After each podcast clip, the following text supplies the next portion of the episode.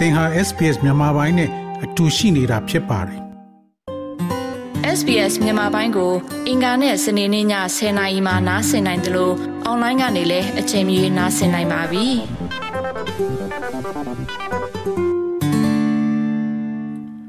ကိုပက်ထရစ်ချိုကျွန်တော်တို့အခု SBS Radio မြန်မာပိုင်းစီစဉ်နဲ့ဆွေးနွေးပေးမဲ့အတွက်ကျေးဇူးအများကြီးတင်ပါတယ်ပထမဆုံးအနေနဲ့ကိုပက်ထရစ်ချိုကဘယ်သူလဲဆိုတာကိုသောတာရှင်နေနဲ့မိတ်ဆက်ပေးပါခင်ဗျာ ကျွန်တော်ကဒီ Queensland ပြည်နယ် CRPH NUG Sport Group ရဲ့ပြည်နယ်ကိုယ်စားလှယ်တယောက်ပါခင်ဗျာကိုပက်ထရစ်ကအဲ့လို CRPH ကိုယ်စားလှယ်တယောက်အနေနဲ့ Queensland မှာဘာတွေများလှုပ်ဆောင်ပါလဲကျွန်တော်တို့အဓိကလှုပ်ဆောင်တာကတော့ဟောကျွန်တော်တို့ CRPH NUG Sport Group ကတော့နှစ်ခုကိုအဓိကထားပြီးလှုပ်ရှားဆောင်ရွက်ပါတယ်ခင်ဗျာနံပါတ်1အချက်ကတော့ပြည်တွင်းအတွက် ထောက်ပံ့ဖြစ်စေမဲ့ရမုံငွေရှာဖွေရေးကိုလစဉ်လာတိုင်းပုံမှန်ကျွန်တော်တို့ fundraising လုပ်ပါတယ်ဒုတိယအချက်ကတော့ပြည်တွင်းနဲ့ပြည်ပပေါ့လေပြည်တွင်းလိုအပ်ချက်ရလောက်ရမဲ့ rally ကိစ္စမျိုးတွေနောက်ပြီး UNG ကနေ request လုပ်လာလို့ရှိရင်လောက်ရမဲ့ rally မျိုးတွေအခုဆိုမကြခင်မှာကျင်းပမဲ့ဒီ security council မှာမြန်မာပြည်နဲ့ပတ်သက်တဲ့ဆုံးဖြတ်ချက်ချဖို့ဆိုတဲ့ကိစ္စမျိုးတွေဒီလိုကိစ္စမျိုးတွေမှာဆိုလို့ရှိရင်ကျွန်တော်တို့ public rally ပေါ့နော်ကျွန်တော်တို့သူပြင်ဒီအားလုံးတိုင်းသား community ရောအကုန်လုံးပါဝင်နိုင်တဲ့ rally မျိုးတွေကိုကျွန်တော်တို့ပြည်တွင်းပြည်ပနဲ့ဟန်ချင်းကြီးဆောင်ရွက်ပေးနေပါတယ်ခင်ဗျာကျွန်တော်တို့အနေနဲ့ဟုတ်ကဲ့အခုလောလောဆယ်မှာလဲကိုပက်ထရစ်တို့ဒီမြန်မာပြည်လှုပ်ရှားမှုနဲ့ပတ်သက်ပြီးဒီတရက်နှစ်အတွင်းမှာလှုပ်ဆောင်မှုကိစ္စတွေရှိရလို့သိရပါတယ်။အဲကဘာတွေလဲဆိုတော့နည်းနည်းရှင်းပြပေးပါ။မူလပထမတို့ကျွန်တော်ရွေချက်ကတော့အခုဒီဩစတြေးလျနိုင်ငံမှာ the flyway ဆိုပြီးတော့သဘာဝကြီးငယ်ထိန်ထိန်ကြီး conference တစ်ခုကိုဒီ Australia ဒီ Brisbane မှာရှိတဲ့ဒီ Queensland University ကနေဦးဆောင်ပြီးတော့ကျင်းပမှာဖြစ်တယ်။အဲ့လိုစကစကိုယ်စားလှယ်ပုံမြန်မာနိုင်ငံပစ်တော်ဌာနကိုယ်စားလှယ်ပုံလာဖို့အစီအစဉ်ရှိရဆိုတော့ကျွန်တော်တို့ကြားသိရတဲ့အတွက်ကျွန်တော်တို့ Queensland ပြည်နယ်မှာရှိကြတဲ့တိုင်းရင်းသားအဖွဲ့အစည်းတွေအထူးကျွန်တော်တို့ CRPH NUG Sport Group ကနေပြီးတော့ဒါကိုကန့်ကွက်ဖို့ကျွန်တော်တို့စီစဉ်ပါတယ်။ကန့်ကွက်ဖို့စီစဉ်တဲ့နေရာမှာလည်းကျွန်တော်တို့အဆင့်ဆင့်ဆောင်ရွက်ပါတယ်။ အဲဒါကိုခေါ်တဲ့ Queensland University က professor စီကိုစာရေးပေးဖို့စာရေးပြီးကန့်ကွက်တာလိုမျိုးတွေတော့တောင်ကိုရီးယားနိုင်ငံမှာရှိတဲ့ flyway conference နဲ့ပတ်သက်တဲ့ secretariat ကိုစာရေးပြီးကန့်ကွက်တာဟာမျိုးတွေဒီစကားစတွေကိုမဖိတ်ခေါ်ဖို့အတွက်ကိုကျွန်တော်လုပ်ခဲ့ပါတယ်အဲတစ်ချိန်တည်းမှာပဲသူတို့ခေါ်ခဲ့မယ်ဆိုလို့ရှိလို့ရှိရင်သူတို့ကျင်းပတဲ့ conference ရဲ့ရှေ့တဲ့ hotel ရှေ့မှာပေါ့လေကျွန်တော်တို့ဒီမှာရှိတဲ့အင်အားစုတွေအားလုံးက ဆန္ဒပြမယ်ဆိုတဲ့အကြောင်းကိုလည်းကျွန်တော်တို့ဒီ professor ရှိကိုစာရေးပေးပို့တဲ့အချိန်မှာဒီကနေ့ professor ကတော့ Australia နိုင်ငံအစိုးရကိုယ်တိုင်ကနေပြီးတော့သူတို့၃ယောက်လုံးကိုလက်မခံဆိုတဲ့စာကိုတရားဝင်ထုတ်ပြန်တဲ့ဟာကိုကျွန်တော်တို့ NUG ကိုယ်စားလှယ်ဒေါက်တာထွန်းအောင်ရှိရှိပေးပို့ပြီးတဲ့အတွက်ဒီအစီအစဉ်ပြတ်သွားပါတယ်အဲအစီအစဉ်ကသူတို့မလာတဲ့အတွက်မလုပ်ဖြစ်တော့ပါဘူးသို့တော့ကျွန်တော်တို့ကမြန်မာနိုင်ငံမှာ1988ခုနှစ်ကဒီမိုကရေစီလူ့ခွင့်ရေးတိုက်ပွဲဝင်ကြဆုံးသွားတဲ့ကိုဖုံးမော်ရဲ့ ကြဆုံးသွားတဲ့နေ့မြန်မာနိုင်ငံရဲ့လူ့ခွင့်ရေးနေ့အဖြစ်ကိုကျွန်တော်သတ်မှတ်ထားတဲ့အတွက်ကျွန်တော်တို့မလ23ရက်နေ့မှာမြန်မာနိုင်ငံလူ့ခွင့်ရေးနေ့ကိုဒီမှာဆန္ဒပြမဲ့ဟာလေးလုပ်မှာဖြစ်ပါဒါနံပါတ်1ချက်နံပါတ်2ချက်ကတော့ကျွန်တော်တို့အခုမကြခင်မှာပဲ security council မှာမြန်မာပြည်နဲ့ပတ်သက်တဲ့ solution ကိုတင်သွင်းကြမှာဖြစ်တဲ့အတွက်ဒါနဲ့လည်းလျော်ညီအောင်ကျွန်တော်တို့ကလူအခွင့်အရေးနေ့ရော UN Security Council မှာဗမာပြည်အတွက်ထိထိရောက်ရောက်ဆုံးဖြတ်ချက်တွေချနိုင်မှုအတွက်ကိုကျွန်တော်တို့ Queensland ပြည်နယ် CRPH ကနေ ပြီးတော့ဒီမှာရှိတဲ့တိုင်းသားကိုယ်စားလှယ်အသီးသီးတွေနဲ့စူပေါင်းပြီးတော့စာနာပြပြီးတောင်းဆိုသွားတာဖြစ်ပါတယ်ခင်ဗျာဟုတ်ကဲ့နောက်တစ်ခုကဒီ NUG ကဝင်ကြီးပါရတဲ့အဲ့ကိုလာပြီးစကားပြောမယ်လို့ကြားပါတယ်အဲ့ဒါပါပါလဲကျွန်တော်တို့အခုဒီလူခွေနေဖြစ်တဲ့အတွက်ကျွန်တော်တို့လူအခွင့်အရေးဝင်ကြီးဥအောင်မျိုးမင်းလူကိုယ်တိုင်တော့သူ့အနေနဲ့မလာရောက်နိုင်ပါဘူးသူကတော့မကြခင်မှာလဲဩစတြေးလျနိုင်ငံကိုမကြခင်ရောက်လာတော့မှဖြစ်ပါတယ်ဆိုတော့ကျွန်တော်တို့သူ့ရဲ့ audio message လေးပါလူခွင့်ရေးနဲ့ပတ်သက်ပြီးတော့သူအနေနဲ့ audio message ကိုပေးပါမယ်ထို့အတူပဲ Norway နိုင်ငံမှာသတင်းသုံးနေထိုင်တဲ့ဆရာတော်အရှင်သာဝရကလည်းကျွန်တော်တို့လူကိုယ်တိုင်ဆရာတော်ကိုယ်တိုင်ကြွရောက်ပြီးတော့ကျွန်တော်တို့ဒီလူခွင့်ရေးဆန္ဒပြလူခွင့်ရေးနေ့မှာဒီဆန္ဒပြပွဲမှာဆရာတော်ကိုယ်တိုင်လာရောက်ပြီးတော့ဒီလူခွင့်နဲ့ပတ်သက်ပြီးတော့တရားတွေဟောကြားပြီးတော့ကျွန်တော်တို့နဲ့အတူတူဆန္ဒပြသွားမှာဖြစ်ပါတယ်ခင်ဗျာဟုတ်ကဲ့နော်ဝေးရဆရာတော်ကသူ့ဂုံဘုတ်ကပါလေသူအခုဘယ်မှာသတင်းသုံးနေပါလဲ အခုလောလောဆယ်ကတော့ ဩစတြေးလျနိုင်ငံကိုကြွလာပါတယ်ကျွန်တော်တို့သိထားတာဆရာတော်နော်ဝေးနိုင်ငံမှာ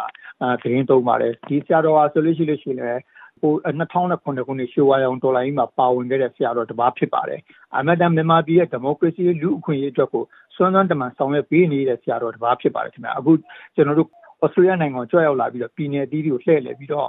အထူးသဖြင့်ပေါ့လေဒီကျွန်တော်တို့ public aware ကိစ္စလေးတွေဆရာတော့ဆောင်ရွက်နေတာဖြစ်ပါတယ်ခင်ဗျ ဟုတ်ကဲ့ကျွန်တော် Queensland မှာခဏခဏဒီမြန်မာပြည်ကဒုက္ခရောက်နေတဲ့ရွာသားတွေအတွက်ဇေယောင်းပွဲတို့ဘာတို့ခဏခဏကြော်ညာတာတွေ့ပါတယ်အဲ့တော့ဒီဇေယောင်းပွဲလုပ်တဲ့လူတွေနဲ့ကို Patrick Tro တို့ဒီ CRPH နဲ့အားလုံးတစ်ဖွဲ့သေးပါပဲလား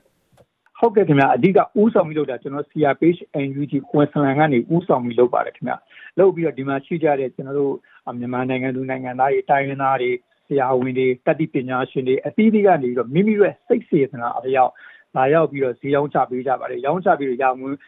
ရတဲ့ဒီငွေကြေးကိုလည်းကျွန်တော်တို့ဒီနေ့ငွေဥတော်နိုင်ရေးအတွက်ကို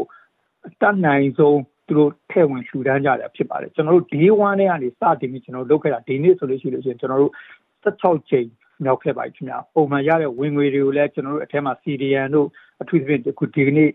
IDB တို့လိုအပ်တဲ့နေရာတွေကိုကျွန်တော်တို့တိုက်ရိုက် UNG အောက်ကနေပြီးတော့ပေးကမ်းရှူတန်းနေပါတယ်ခင်ဗျာ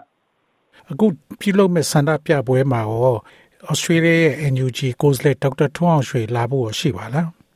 လောလောဆယ်တော့ဆရာဒေါက်တာထွန်းအောင်ရွှေလာဖို့အစီအစဉ်မရှိပါဘူးခင်ဗျာဒေါက်တာထွန်းအောင်ရွှေကတော့သူပေးခြင်းတဲ့ message လေးတွေကိုလည်းကျွန်တော်တို့ပေးထားပါတယ်လောက်ရမယ့်ကိုင်းရမယ့်ဟာလေးတွေဒေါက်တာထွန်းအောင်ရွှေနဲ့ကျွန်တော်တိုင်ပြီးလုပ်ထားပါတယ်ဒါကြောင့်မို့ဆရာတို့လည်းခဏကျွန်တော်တို့တင်ပြသလိုပေါ့လေအော်ဒီအခုလာမယ့်မတ်လ15ရက်နေ့မှာ Security Council မှာမြန်မာအရေးနဲ့အဆိုတင်သွင်းမဲ့ကိစ္စနဲ့ပတ်သက်ပြီးတော့ကျွန်တော်တို့ CRPH NUG Sport Group Australia ပေါ့လေ Queensland တခုတည်းမဟုတ်ဘဲနဲ့အားလုံးပြည်နယ်အသီးသီးရလူတဲ့သဘောထားတူညီချက်ယူပြီးတော့ကျွန်တော်တို့ Security Council Open Letter ကိုကျွန်တော်တို့တနည်းအားပြပို့ခဲ့ပါတယ်ခင်ဗျာဟုတ်ကဲ့ဒီမြန်မာနိုင်ငံလူအခွင့်အရေးနေ့အဲ့ဒီနေ့ပွဲကိုကျွန်တော်တို့ဒီအပြင်ဘက်မှာလုပ်မှာလားမဟုတ်ဘဲနဲ့ဒီလို hall ခန်းငှားပြီးလုပ်မှာပါလား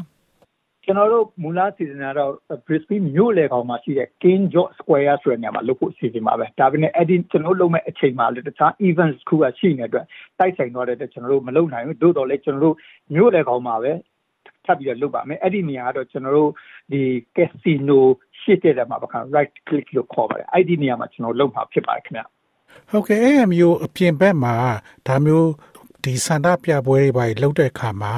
ဟိုကပို့တဲ့ message တွေကိုဘယ်လိုများသူတို့ဖွင့်ပြမလဲကျွန်တော်တို့ကလောလောဆယ်စီစဉ်ထားတဲ့ဥစ္စာဒီဝင်ကြီးဥအောင်မျိုးပေးပို့လိုက်တဲ့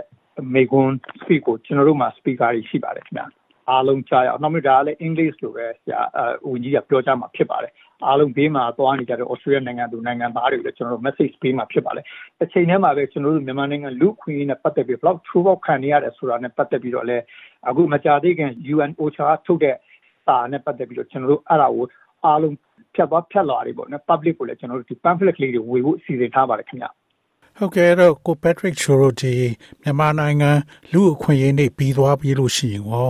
ရှေ့မှာဘာတွေများဆက်လုပ်ဖို့ရှိပါလဲကျွန်တော်တို့ရှေ့မှာပုံမှန်လုပ်လေလုပ်လုပ်နေတဲ့ဟာကတော့ကျွန်တော်တို့ ပြည်နယ်အသီးသီးကကိုယ်စားလှယ်တွေနဲ့အတူတူကျွန်တော်တို့ပါလီမန်အတွင်းကိုဝင်ပြီးတော့ပါလီမန်အမတ်တွေနဲ့ lobby လုပ်ပါတယ်လုပ်တဲ့အခါမှာလည်းကျွန်တော် parliamentarian friends of Myanmar ဆိုတာဖွဲ့စည်းထားတဲ့ဟာရှိပါတယ်အဲ့ဒီစွတ်တော်အမတ်တွေနဲ့တွေ့ဆုံပြီးတော့မြန်မာပြည်ရေးရာကိုကျွန်တော်တို့ပြောဆိုတဲ့မြန်မာပြည်ရေးရာနဲ့ပတ်သက်တာကိုထဲထဲဝင်လောက်ကင်ပေးတော့ပါလီမန်အတွင်းမှာပြောဖို့ဆိုတဲ့ကိစ္စကိုကျွန်တော်တို့ပါလီမန် sitting time ကိုကျွန်တော်တို့ဝင်ရောက်ပြီးတော့ပါလီမန် lobbying ကိစ္စတွေလုပ်ပါတယ်တစ်ချိန်တည်းမှာပဲလိုအပ်လာလေးရှိလို့ရှိလို့ရှိရင်အာဆီယံကိစ္စစာပို့တဲ့ဟာမျိုးတွေတခြားတခြားလုံနိုင်တဲ့ဟာတွေကိုကျွန်တော်တို့ အထက်က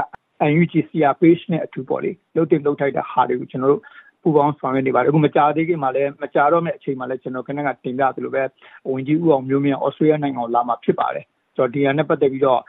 ဝင်ကြီးဦးအောင်မျိုးမင်းလာတဲ့ခါမှာလည်းကွင်းစလန်နိုင်ငံကိုကျွန်တော်ဖိတ်ကြားပြီးတော့ကွင်းစလန်ပြည်နယ်မှာရှိကြတဲ့အာတိုင်းသားပြည်သူတွေရမီရဖတွေအားလုံးနဲ့တွေ့ထိုင်အောင်ကျွန်တော်တို့စီစဉ်သွားမှာဖြစ်ပါတယ်ခင်ဗျာ ဟုတ်ကဲ့ကို Patrick ချိုအခုလို့ရှင်းပြပေးအတွက်ကျေးဇူးအများကြီးတင်ပါတယ်အခုပြုလုပ်မဲ့ပွဲတွေမှာလည်းအစစအအောင်မြင်ပါစေလို့လည်းကျွန်တော်ဆုတောင်းပေးပါတယ်နော်ကျေးဇူးတင်ပါတယ်ခင်ဗျာအခုလိုမျိုးမေးမြန်းမေးမြန်းတဲ့အတွက်လည်းအထူးပဲကျေးဇူးတင်ပါတယ်ခင်ဗျာ SBS မြန်မာပိုင်းကို အင်ကာနဲ့စနေနေ့ည10:00နာရီမှနားဆင်နိုင်ပါတယ်။နားဆင်နိုင်တဲ့နည်းလမ်းအများကြီးရှိပါတယ်။ Radio Digital TV online ဒါမှမဟုတ် SBS Radio App ကနေသင်နားဆင်နိုင်ပါတယ်။ SBS မြန်မာပိုင်းအစီအစဉ်ဖြစ်ပါတယ်ရှင်။